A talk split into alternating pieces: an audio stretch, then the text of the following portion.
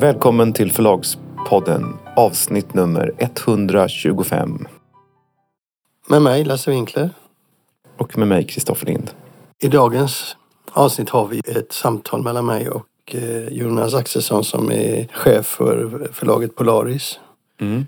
Jag läste ju en artikel i Svensk Bokhandel, en kort men väldigt bra artikel i Svensk Bokhandel där han intervjuade som, om det faktum att de har tagit, tagit över den Millennium-serien från eh, Mm. ja, Stig Larssons böckerna. Så jag ringde honom för jag tänkte det här var intressanta frågor. Han kan få fördjupa dem och det gör han. Så att det kommer i slutet av det här avsnittet. Efter att du och jag har haft ett litet samtal om själva franchisen. Ska vi köra igång? Ja. Inslaget som kommer nu handlar om ljudböcker. Och både du och jag funderade när vi Eh, tänkte på om vi skulle göra de här inslagen. Eller rätt sagt, inslaget var det från början. Eh, och det förklarar vi i början på det här inslaget. Eh, vad det är, hur vi tänkte och så. Men det faktum att vi slutade prata efter, jag tror det var 37 minuter. Visade ju att det fanns någonting där. Så vi var tvungna att slå isär det här samtalet vi hade om ljudböcker i tre stycken delar. Och vi kör det första nu och så kör vi de andra två i kommande avsnitt. Och jag måste ju ändå säga att jag tycker du hade fel. Och jag... Om vad? Ja, du brukar så- tycka att jag har fel. Ja, men det var framförallt det att du tyckte att vi har ju pratat färdigt om detta. Jag lärde mig en hel del av att, eh, de här inslagen. Och så har jag lärt det när vi startade det här samtalet. Ska vi börja med den här eh, frågan där du eh, egentligen upptäckte plötsligt när du pratade med några i branschen att du hade missuppfattat kunskapen om ljudboksmarknaden. Du trodde att alla visste allting om ljudboksmarknaden men så var det inte riktigt så. Precis. Jag har en eh, vän som jobbar i bokbranschen men som liksom jobbar på sidan om lite grann, inte på redaktionellt på förlag. Och eh, hon ville ta en lunch för hon undrade lite grann kring ljudboken. Hon ställde en del frågor och då gjorde jag den reflektionen att det var, tyckte jag, självklarheter. Och sen så kom jag inte ihåg vilka frågor hon hade ställt så jag gick hem och så mejlade jag henne och frågade vad var det nu vi pratade om? Är det några fler frågor som du har? Och då fick jag några fler frågor. Och det var sånt som jag upplever att vi har talat mycket om, men det kanske vi inte har. Hon frågar exempelvis så här, hur mycket måste en bok streamas innan den är lönsam? Hur ser kostnaderna ut? Vad kostar att framställa en ljudbok? Vad funkar som ljudbok? Hade Rudels rätt med att Nobelpristagare underpresterar? Hur ser betalningsmodellen ut för ljudböcker? Alltså vi har nog tagit det där, men kör det. Vi kan väl köra det rätt kort. Berätta de här sakerna för den som fortfarande är nyfiken. Vi får ju nya lyssnare till podden hela tiden också. Ja, men om man börjar med den första frågan då, hur mycket måste en bok streamas innan den är lönsam? Så beror ju det helt enkelt på hur eh, lång boken är och hur mycket, mycket kostnader som är förknippade med den. Ehm, idag så får ju man betalt per minut i streamingtjänsterna. Ehm, både hos Bookbeat och Storytel ser modellen ut så att man får betalt per minut. Eh, Storytel tillämpar revenue share och Bookbeat har fasta ersättningar men det är ändå så att man ersätts per minut. Nextory har eh, fortfarande fasta ersättningar i olika, alltså man får betalt eh, liksom en klump om boken är si och så lång så, så liksom det ligger inom ett spann sådär. Det där, det där är rätt intressant då för i praktiken om vi har samma bok eh, på alla tre så blir det lite annorlunda ersättningar.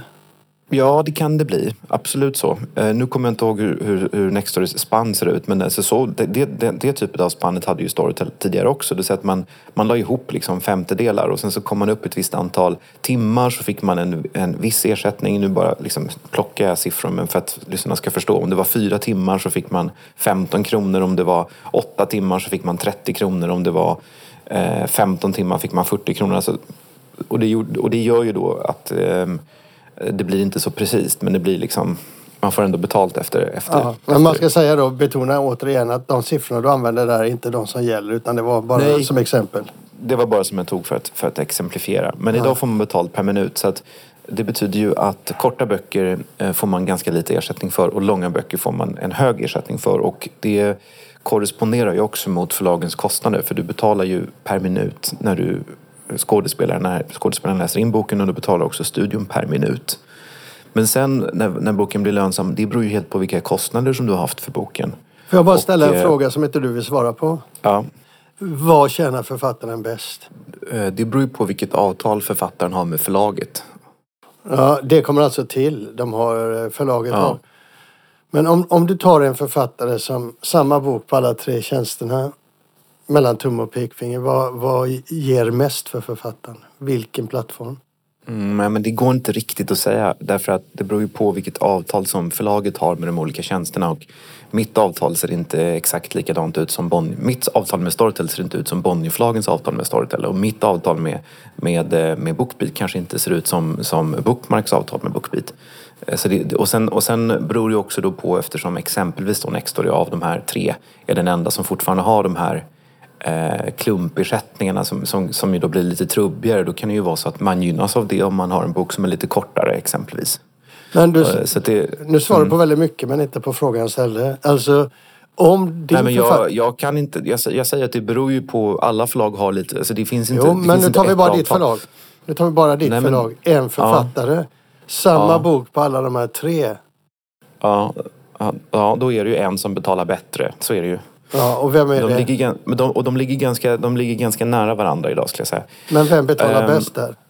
Ja, men det, sen finns det ytterligare en, en, en, en eh, dimension av ersättningen där det också skiljer sig lite åt mellan olika förlag och det är att i eh, mitt avtal, vårt avtal, Lind Companys avtal med både Bookbeat och- och Storytel så har ju vi så att vi får bättre betalt för frontlist och lite sämre betalt för backlist. Så det beror också på om det är en backlistbok eller en frontlistbok. Och så.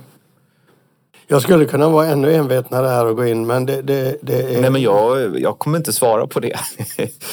Eh, men, men, men, men, eh, men, men eh, det, är, alltså, det var ju lite större skillnader både mellan olika förlagsgruppers avtal och, tidigare än vad det är idag och kanske mellan olika streamingtjänster. De, de- de skillnaderna har minskat. Ja. Men för den som då vill veta så är det alltså olika ersättningar i grunden med olika parametrar. Men den som vill veta då vem av de här som betalar bäst och vad det skulle innebära till exempel med fasta avtal jämfört med minutersättning och så. De får gräva djupare helt enkelt. Men som jag säger, även om, om jag har en bok, den är på tio timmar och den är ny och den ser ut så här. Då är det klart att det blir inte en identisk ersättning i de olika tjänsterna. Men, men eh, det, det går inte att säga ex, liksom. det, det, det är ju faktiskt individuellt vad, vad, beroende på hur det slår och sådär. Det är ju inte så att en, en framgångsrik författare lika framgångsrik på alla tre plattformarna utan det har också att göra med den marknadsföringen och, och, och lite annat på plattformen. Som gör om en författare går bra på en plattform och mindre bra på en annan. Ja, absolut. Det har, kan ha att göra med det. Men eh, det intressanta är ju också att på vissa plattformar så har man kanske inte lyft en författare som går bra ändå.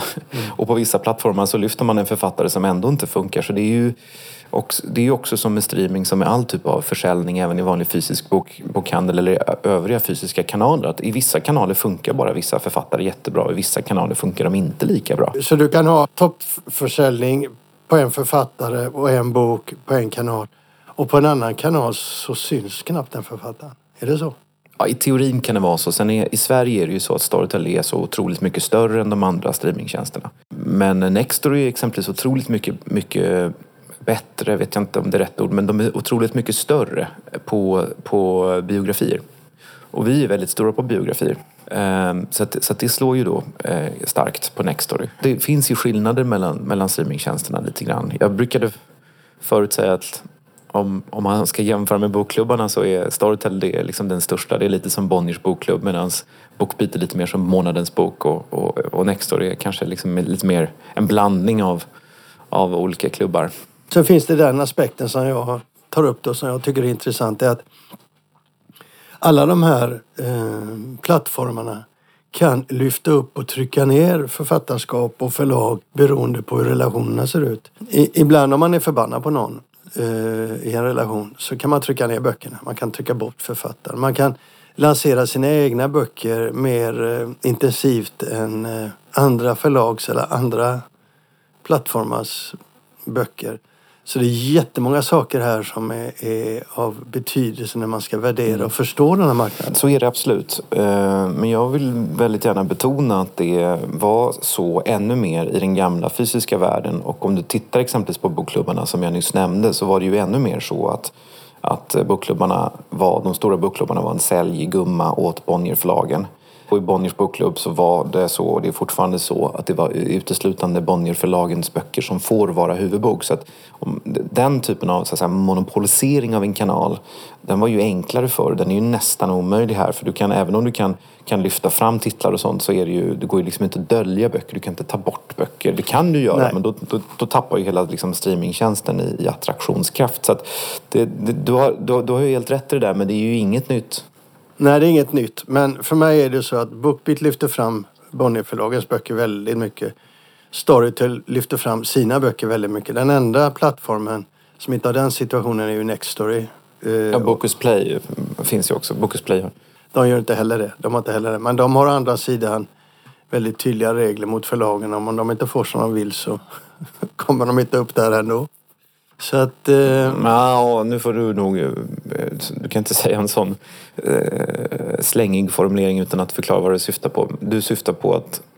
Vad syftar du på? Jag syftar på det faktum att om, om förlaget inte får en bok eh, eller om, om Akademibokhandeln Bokus inte får en bok i alla format som de vill ha. Du kan inte längre sälja en bok eh, exklusivt i en kanal för då till exempel Alibris.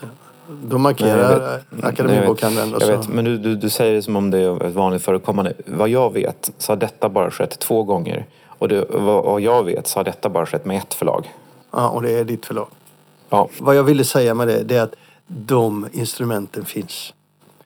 de finns. Så att alla, använder, alla sitter och skruvar och, och, och, och med sina muttrar och håller på. Ja, men vad vi gjorde nu med det här första svaret, det gjorde vi gjorde det mer komplicerat. Tror jag. Mm, verkligen. Jag har fortfarande inte riktigt svar på frågan. Och det är då när boken blir lönsam. Och som jag då säger så du har kostnaderna för inspelning och så vidare. Och, och, och, och, och där kanske det räcker med några tusen lyssningar. Beroende på hur liksom, dyr inläsare du har och sådär. Och beroende på hur lång boken är. Där kanske det räcker med några tusen lyssningar. Men i och med att ljudboksformatet idag är på skönlit, vad gäller skönlitteratur oftast det största formatet så ska ju ljudboksintäkterna också täcka förlagets övriga kostnader för redigering och, och liksom marknadsföring, förskott och så vidare. Det beror helt på hur kalkylen ser ut. Men, det, men det, det är på skönlitteratur idag så är det ju ljudboksintäkterna som ska, som ska, liksom, som ska täcka upp för allting. Inte, inte allt, men för mycket. Jag menar, Ja, för mycket är det så. ja, för mycket är det så. Men om man ändå ska försöka ge e- e- ett bra mellan tumme och pekfingersvar för den som vill förstå marknaden lite. Så 3000x, då är man ändå på, på plus i en kalkyl i allmänhet. Ja, 3000x då har du fått in kostnaderna för produktionen och lite till. Men Eller 3000 lyssningar rättare sagt. Ja, då, beroende på hur lång boken är så bör du ha fått in. Du, har- du har täckt upp dina kostnader för produktionen och lite till. Men jag skulle nog inte säga att det räcker eh, om det är en original så att säga. Så, så är det nog egentligen för lite. Vad vill du säga då? 4000? Det bör funka. Då. Sen om du har en översättning då är ju- ser ju kalkylen helt annorlunda. Då kan du ju dubbla de där lyssningarna.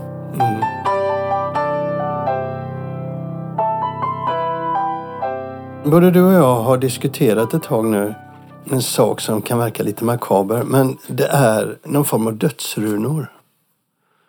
Ja, Vi ville väl försöka se om vi kunde hitta en mer kvalificerat sätt att prata om människors gärning i bokbranschen. Du är väldigt förtjust. Ja. Jag är väldigt förtjust i dödsrunor. Ja, nej, men jag tycker ju generellt sett att det är en, eh, en journalistisk genre som i Sverige är väldigt styvmoderligt behandlad. Och det finns ingen familjeredaktion kvar i Sverige. Inte ens Dagens Nyheter har det. Utan alla dödsrunor som publiceras är skrivna av vänner och för arbetskamrater och, och, och så vidare. Eh, och det gör att de får en särskild, lite sådär hagiografisk ton på något sätt. Alltså det, det blir... Ehm, de, de blir oftast, även när de är välskrivna, rätt ointressanta. Eh, med, Medan i, i England så har man ju en helt annan... Man, man har ju oftast, man beställer liksom professionella skribenter skriver runor som kan vara väldigt roliga och väldigt bra. Och det, tidningen Fokus gör faktiskt det. De har varje vecka har de en, en runa som någon har skrivit. Och där de lyfter fram lite udda personer. Och i en bransch som vår, där det finns så många intressanta människor som ibland dör ofrånkomligen, händer det oss också så småningom. Så är det synd att man inte kan lyfta fram dem. Mm. När jag tänker lite så är det där en intressant eh, utveckling i USA. New York Times har ju startat en serie eh, med eh, dödsrunor där de lyfter fram människor som borde ha skrivits om när de dog men som det inte gjordes på den tiden därför att tidsandan var som den var. Så väldigt många kvinnor Mm. och har fått sina dödsrunor nu. De kan ha dött på 20-talet, 30-talet. Men man har alltså en redaktion som går igenom det där och eh, fyller i hålen. Av respekt för de här människorna och berättar om dem, vad de gjorde och så. Och det är ju en del fantastiska berättelser. För det är just det, det är hela berättelser. Så då ska vi försöka då göra detta. Eh, Nu är det detta i, i, i talform och vi ska börja med en person som ingen av oss har mött, vilket gör det lite svårare. Ingen har mött men båda har hört väldigt mycket om och känner till som namn. Ja, han tillhör ju då en, en grupp som man får kalla legendarisk, verkligen. Hans namn var Erland Törngren. Och den, den uppmärksamma har säkert läst eh, de dödsrunorna som gamla kollegor har skrivit. Björn Linell har skrivit en som många gladdes åt. Och det finns ytterligare några då som jag inte har läst. Jag började ringa runt lite för att prata med folk och höra lite för jag var ju tvungen att på rent journalistisk vägnar försöka hitta en ingångsvinkel då. Och det som slog mig framför allt till att börja med det är Erland Törngren, eh, om man bara tar stolparna då, så han föddes 1938 och dog i år då. Han är son till Disa Törngren, vilket i det här sammanhanget har en viss betydelse då hon var så att säga, den fina, den litterära förläggaren. Så han hade med mor på um, Gebers. Han hade det med uh, modersmjölken, kunskapen. Han började då på uh, A.W.E. Gebers 1960-talet som redaktör. Och där var han tills det gjordes en fusion med Norstedts 1982 då han flyttade till Riddarholmen. Och han slutade på Riddarholmen 1997, 59 år gammal, då han tillsammans med nio andra förlagsmänniskor fick erbjudandet vid en av dessa rensningar eller fusioner eller sammanslagningar eller organisationsförändringar fick chansen att gå i förtidspension som det heter nu då, med hyfsade villkor. Och eh, det är ramen så att säga. Men under de här åren så skaffade han ju sig ett namn, ett, ett rykte som en väldigt stilsäker, väldigt språkkänslig människa. Han var vad många kallar för en, en författarnas förläggare. Böckerna var hans fokus, skapandet, konsten var hans intresse. Och han, eh, på den tiden, och här har ju du liten aning, jag också, för jag kom in i branschen eh, ungefär då. Det här är den gamla tiden, om man får säga så. Den klassiska tiden för eh, Den gamla klassiska tiden. Ja, alltså det var ett annat tempo i bokförläggeriet. Och varje förlag hade ju en väldigt tydlig identitet. De var ju sina böcker, de var ju sina författare. Och han, han jobbade mycket med svensk skönlitteratur men också utländsk skönlitteratur. Men när du köpte eh, titlar i, i, utifrån så var det ett mycket långsammare tempo. Det fanns ju inte nätet. Det fanns ju inte eh, dessa blixtsnabba överblickarna som du har idag. Utan du jobbade. Du jobbade väldigt mycket med... För det, så var det när jag kom in också. Man, man skummade internationella tidningar, man skummade branschtidningar, man hade sina nätverk, sina kontakter. Och folk i allmänhet hade ju inte tillgång till det här. Så man öppnade ett fönster mot världen som förläggare. Och han var en av de som gjorde det och som eh, skapade sig ett namn där. När folk pratar om honom så, så, så Björn Linell skriver ju sin krönika. Han var ju, han var ju bland annat förläggare för eh, eh, boken Dumskallarnas sammansvärjning. Och Björn skriver det att det var ju det han tyckte det var på, på Riddarholmen på Norstedt. Så han gick ju in i sitt rum och gjorde ändå som han ville. Oavsett vad han sa då. Ja, precis. Han lyssnade och sen så gick han in på sitt rum och gjorde som han ville. Ja, och som de, de jag pratade med säger då, och det blev bra. Det blev väldigt bra det han gjorde. Det är ju eh, faktiskt, en, kan, där kan han nog agera lite som inspirationskälla för många av oss. Det är, lite, det, är också en, det är också en fin bild av hur man ska hantera kanske inte bara arbetssituationer utan livet. Ja, och han, han, han eh, liknar dig på mer än ett sätt på det, i det fallet att han, han gillade inte tjänstemannasidan. Han gillade inte siffror. Han hade ju budgetansvar och utgivningsansvar både eh, på Gebers och på Norstedts. För när han kom till Norstedts så byggde de upp en organisation där de hade tre stycken förläggare som hade var sin del av utgivningen och med budgetansvar och utgivningsansvar. Och det var, det var han, Erland Törngren, det var Thomas von Wegesack och det var också Lars-Erik Sundberg. Sundberg var den enda som jag träffade av de här. För han var kvar rätt länge, han var yngre än de andra. Och eh, när jag hör interiörerna från de åren eh, så, så, känner jag ju det. Ja, det är en sån här klassisk eh, filmrulle.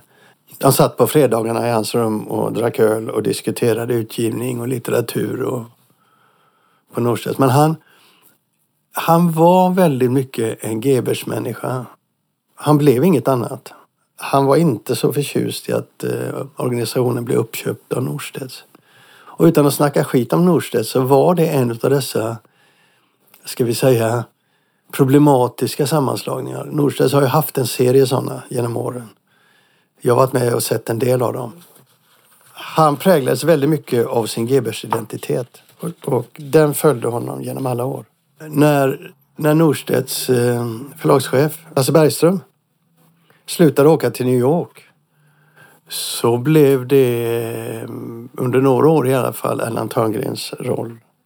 Han var en av dem som åkte till New York. Det är ju klassiskt åka till New York som förläggare, ha en lista med möten. Jag var ju med på den tiden, för det fanns kvar när jag kom in, hur man åker dit och hur man eh, går runt till alla förlag, agenter och, och, och får alla tipsen. Och scouter och så. Så det var som sagt en mycket långsammare och på sitt sätt mycket intressantare bransch. Man kunde göra, inte fynd, men man kunde göra sin identitet väldigt synlig. Och han som sagt har ju namn om sig att vara en författarnas förläggare med väldig stilkänsla. Det är väl, eh, jag fick fram en, eh, mycket annat också men det var väl det centrala tycker jag. Nu är inte det här en rättvis bild. Det är vårt första försök att skapa en, en mer innehållsrik berättelse. Vad är, en för, vad är en författarnas förläggare?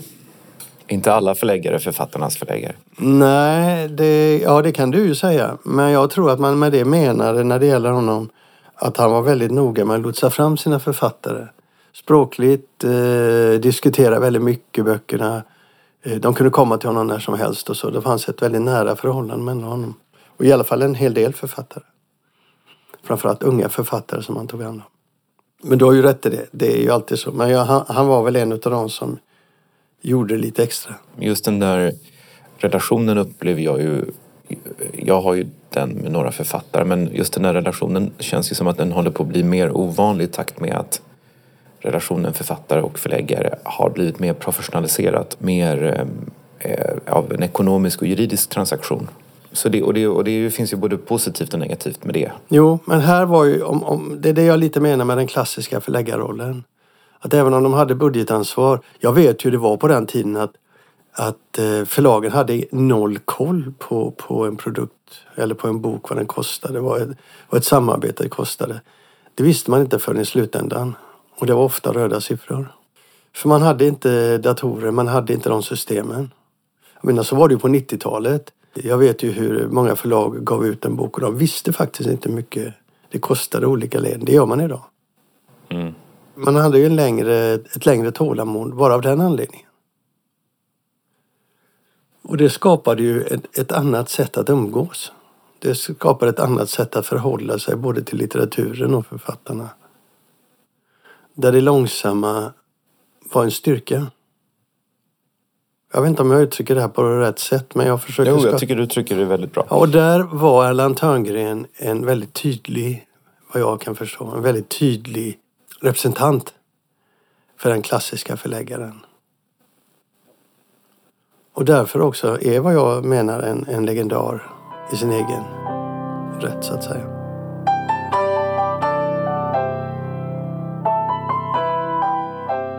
Nu kommer strax eh, mitt samtal med eh, Jonas Axelsson här. Vi ska inte kommentera samtalet som sådant. Men prata lite om Stig Larsson-franchisen. Jag blev förvånad över att det överhuvudtaget är aktuellt med en ny, ett nytt förlag och en ny författare att fortsätta ge ut de här böckerna efter Norstedts och eh, David Lagercrantz. Hur tänkte du när du hörde? Nej, jag blev inte det minsta förvånad. Jag är förvånad över att det har dröjt så länge. Och att det är Polaris som plockar upp bollen förvånar mig inte heller. Jag trodde det var för kallt. Jag kommer ihåg uppbrottet mellan eh, Mogliden, alltså familjen Larsson och Norstedts. Efter tre böcker så eh, bröts det samarbetet isär. Och det var en rätt tuff uppbrott. Jag vet inte exakt vad det berodde på. Men det var liksom inte bara tack för kaffet utan det var ni kan dra åt helvete ungefär. Och det fick ju David Lagercrantz att lämna sin agent som jag hade jobbat med det här. Mm. Så att eh, där tror jag det hände en hel del som inte vi vet om. Och sen var det tyst ett tag när, när Mogliden och eh, agenturen försökte hitta ett nytt förlag. Och, Det har väl gått flera år nu, har det inte det? Ja, det har gått många år. Och då eh, började ryktena komma om, om Strawberry och eh, författare som eh, Camilla Läckberg och kanske någon mer. Men det var bara rykten. Men när Strawberry sålde till Bonniers så försvann den, den, det avtalet. Jag trodde ju att Bonniers skulle få med det på köpet men där hände ingenting. Jag vet inte om det berodde på att det inte fanns något avtal men Strawberry-spåret var väldigt, väldigt starkt i alla fall. Och något måste det ha varit eftersom det tog så lång tid. De kan ju inte ligga hur länge som helst och leta efter ett nytt förlag. Men sen kom då nu eh, Polaris. Och jag tror, att det är helt, jag tror att det är helt rätt förlag. Ja, jag tror också att det är rätt förlag. Men sen har du ju, du har ju en poäng i att det kan vara lite sent, att det är lite kallt. Att intresset har svalnat. Och det, får, det, får man, det återstår ju att se. Men, men, eh, Ja, men det, men eh, det, är ju fort, det är fortfarande ett, ett, ett projekt med stor potential. Ja, som förläggare så har väl du inga synpunkter på det. Men jag, som, jag, jag har ju- har ju alltid tyckt att eh, man skulle sluta ge ut böckerna när Stig Larsson eh, dog. Jag tyckte det var ett helgerån att fortsätta. Men det är vad jag tycker. Det har ju ingenting med förlagsvärlden att Nej, det är göra. vad du tycker. Mm, det är rätt ointressant i det här sammanhanget faktiskt. Vad tänker du? Min inställning är ganska pragmatisk. Om man bortser från det komplicerade och, eh, eh, bakgrunden med att Stig Larssons sambo Eva Gabrielsson motsätter sig utgivningen samtidigt som hon inte har upphovsrätten till den. Om man, om man liksom bara lyfter bort den konflikten, Eh, vilket jag nog tycker att man måste kunna göra eftersom hon inte har upphovsrätten. Men om man bortser från den så tycker jag nog att eh, det är Ja, jag tycker inte att det är ett helgerån. Eh, jag har aldrig ansett böckerna tillhöra världslitteraturens mästerverk som, som jag vet att du gör. Som förläggare kan jag nog tycka liksom att det är, finns också en kreativitet i det här att försöka skriva i hans anda och att det, är en, det finns en utmaning i det. Eh, både för förlaget och den författare som får uppgiften och att det är inte med nödvändighet något negativt och att det finns, om man liksom ska kritisera liksom det kommer, de kommersiella krafterna i branschen så finns det mycket värre saker att racka ner på och slå ner på. Så att jag, tycker, jag kan tycka att det finns något, något lekfullt och kul i det, att man försöker liksom föra stafettpinnen vidare. Alla vet ju att det inte är Stig Larssons böcker. Och I och med att man fortsätter och för stafettpinnen vidare så kommer ju folk att hitta tillbaks till ursprungsböckerna också dessutom. Inom filmvärlden har man gjort så här länge, menar James Bond och så vidare. Men i bokbranschen så har det varit tabu, i alla fall i Sverige. Jag vet inte riktigt varför det måste vara det. Så här låter i alla fall samtalet jag har med Jonas Axelsson. Mm. Hej Jonas Axelsson på Polaris förlag. Jag såg i Svensk Bokhandel att du pratade om ert nya projekt. Ni har förvärvat rättigheterna till millenn- ge ut Millennium-serien. Efter Stig Larsson som ju dog efter tre böcker och efter David Lagercrantz tre böcker som gavs ut på Norstedts så är det nu er tur. Och då tänkte jag så här, va? Det trodde jag verkligen inte. Att det skulle bli tre böcker till eller att det var vi. Vad var det som fick dig att säga va? Ja, det var väl både och. Den har ju varit kall den, den eh, historien. Efter, efter konflikten med eh, Norstedts så fick man ju kontakt med Strawberry. Men av olika orsaker så försvann också den, eh, det projektet. Och sen dess har det inte hänt någonting. Och jag har ju... Vi har ju tagit upp det i podden. Vad hände här? Blir det något överhuvudtaget? Och så plötsligt så kommer då uppgiften att det är ni som ska ge ut de nya böckerna. Och så såg jag då intervjun i Svensk Bokhandel och då tänkte jag det där var intressant, det måste vi prata om. Så förklara nu, vad hände? Ja, jag kan ju bara prata om vad, vad som hände för vår del så att säga. Jag har ju ingen som helst insyn i vad som har pågått tidigare utan eh, jag har hört mig för tidigare visserligen eh, frågat Magdalena Hedlund som ju de representerar Mogliden, Stig Larssons estate och eh, upphovsrätten i sammanhanget om det finns några planer överhuvudtaget. Och eh, jag har i princip fått svaret då tidigare att eh, jag återkommer eh, om det är så att det är möjligt att prata vidare om det här. Och sen i våras så började hon återkomma om detta och, och kollade om, om vi var intresserade av att diskutera den här saken.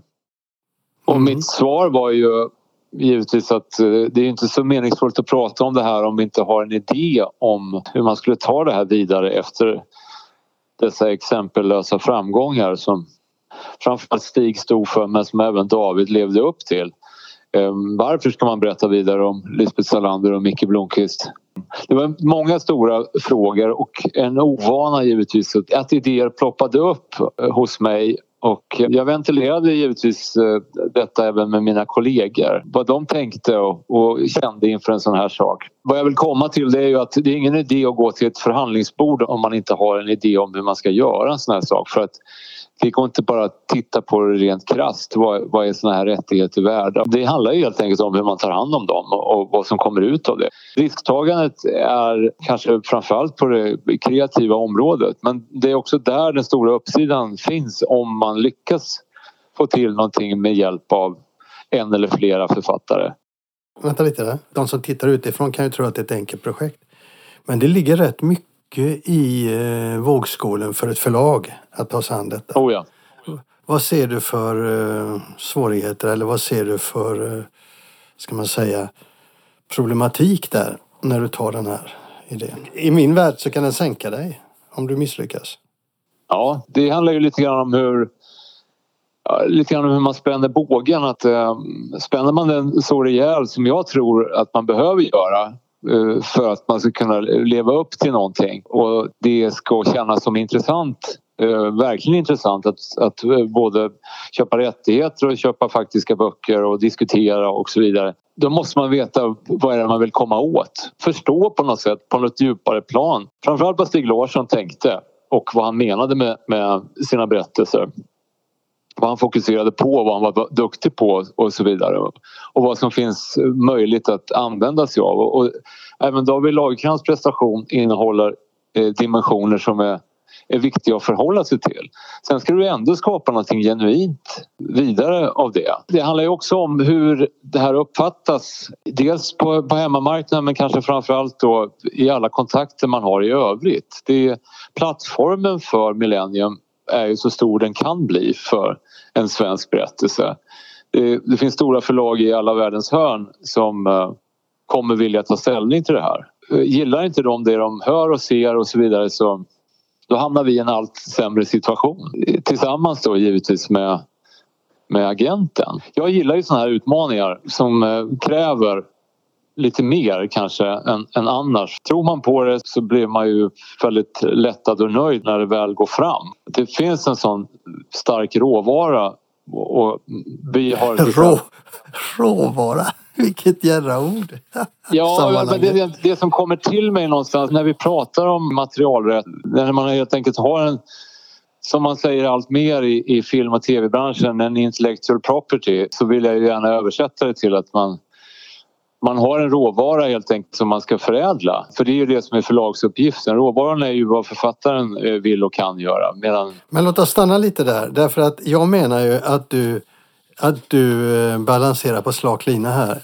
Du har ju historiskt sett genom dina år när du jobbade, framförallt när du jobbade på Albert Bonniers förlag, rört dig i den här världen du vill in i igen. Alltså den internationella världen med de stora avtalen, de stora författarna egentligen högst upp i den internationella förlagsbranschen. Eh, där har du rört dig och där har det här eh, franchisen som jag kallar det rört sig. Där rörde sig Norstedts och där rörde sig David Lagercrantz när han skrev de böckerna. Och du vet ju vad detta är för värld. Du vet ju vad som krävs. Så Du har ju varit där och eh, druckit honungen så att säga. Du har gjort en del avtal i den världen som har blivit väldigt, väldigt bra i Sverige. Och det har du inte gjort i, i Polaris, inte ännu. Men nu går du in i den världen igen. Hur tänkte du där? Du vet ju hur stor eh, satsningen är. Jag menar, fixar du inte detta så är du lite körd. Är det inte så?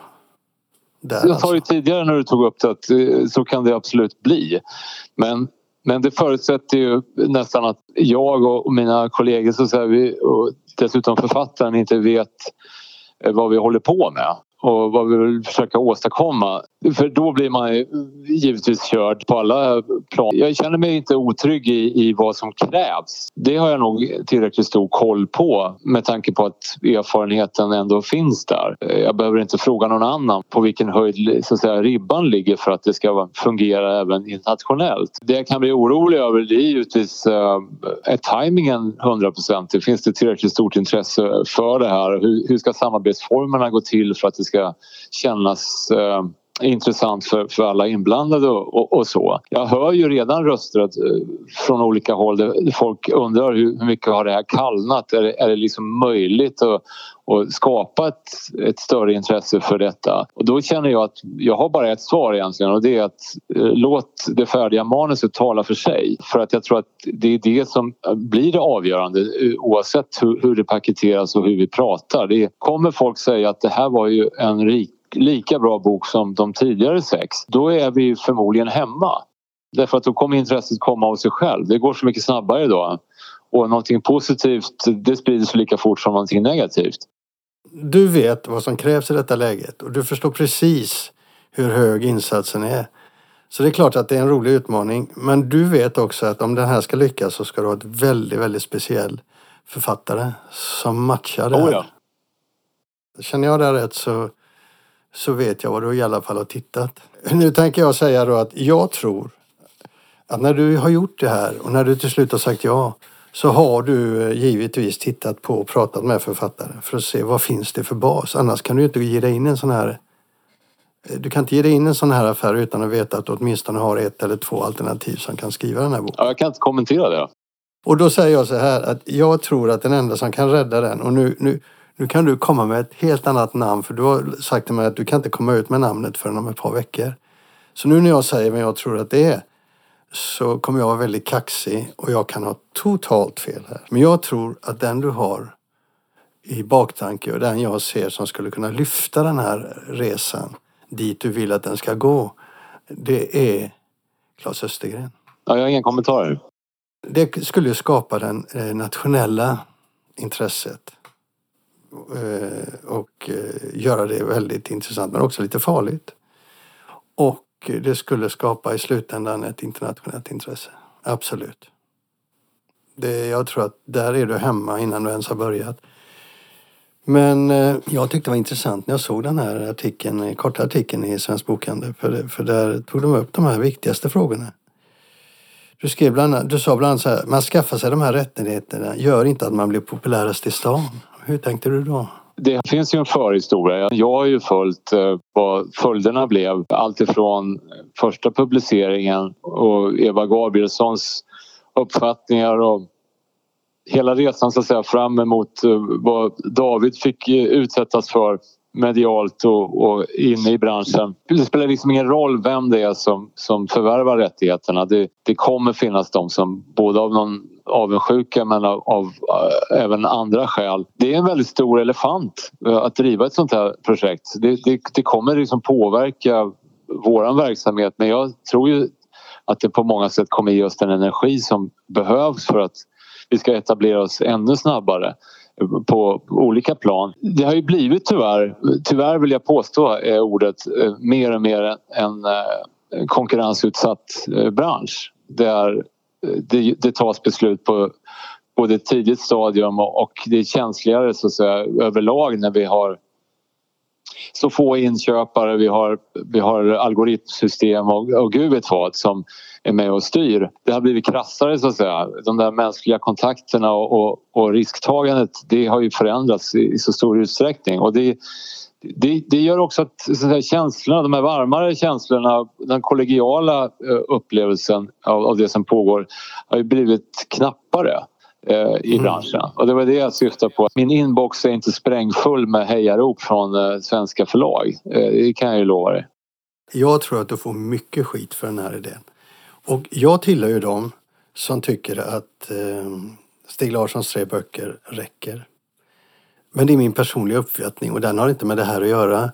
Tittar man i, i, i, ut i världen på hur eh, förläggeri ser ut idag så finns det massor av exempel på hur eh, författarskap som har slutat på grund av att författarna har dött, hur de har utvecklats vidare eller fortsatt att skriva med andra författare. Och nå enorma framgångar på detta. Så idag är inte det så kontroversiellt faktiskt. Det har du rätt i. Det, det har ju förändrats mycket på de, de senaste åren och det är berättande till även andra former. Du kan ju ta allt från covers inom musiken till Marvels på bio till eh, det ena med det andra. Hur vi diskuterar James Bond och den framtiden och, och, och, så. Det är inte lika laddat. Vi tecknar ju in rätt många år av fokusering på, på Lisbeth Salander och Micke Blomqvist nu. Jag tycker det är kaxigt och jag tycker att branschen behöver något sånt här kaxigt. Detta är väldigt eh, roligt att någon vågar ta sig an den här uppgiften. För jag ser som du att det där är... Du kan dö på det svärdet. Alltså du som förläggare kan eh, förlora väldigt mycket. Eh, och det jag måste också liksom lägga till att hade inte jag brunnit själv eh, så mycket för de där centrala frågorna som Stig Larsson kretsade kring. Till exempel eh, mäns våld mot kvinnor eh, och klassfrågor och sådana saker. Eh, då hade jag ju undrat över hur, hur jag själv skulle kunna bidra och stötta en författare på rätt sätt. Men de utgångspunkterna, jag har ju fått möjlighet att läsa om Stigs och Davids böcker eh, senaste tiden när jag förstod att vi var med i diskussionerna hela tiden. För att också fylla på de här, det här idékontot eh, överlag. Och då kan jag ju konstatera någonstans att det, det är ju väldigt bra litteratur på många plan. Det kommer inte vara konstigt att folk vänder tillbaks till de här böckerna när det kommer nya och det kommer vara historier som känns fortsatt angelägna även om det är underhållningslitteratur. Så det, det, är också det som jag hoppas att vår författare ska, ska plocka upp i stor utsträckning. Vem, vem kommer att vara förläggare för det här projektet? Ja, det har landat hos mig själv i, i första hand men vi kommer jobba tillsammans.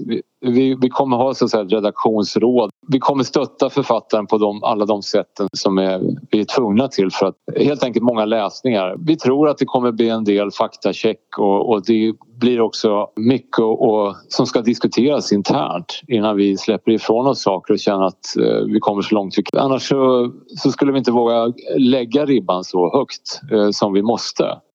Vad vill du hälsa författaren Eh, via Förlagspodden? Jag tror att den författare som sätter sig och gör det här eh, passionerat och eh, är beredd att ta den risken, för det, där finns det ju en risk också. Att det är en författare som kanske riskerar det författaren har gjort tidigare eller framåt, det vet man ju inte beroende på eh, utfallet av det här.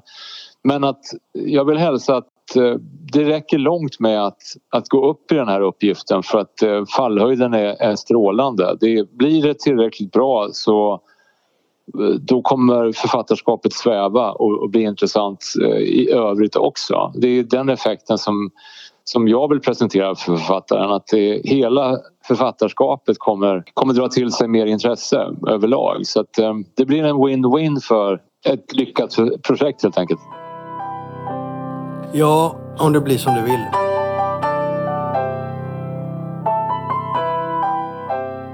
Ja, det var allt för idag. Avsnitt 125 är det ja. Vi hörs om en vecka. Hej då. Hej då.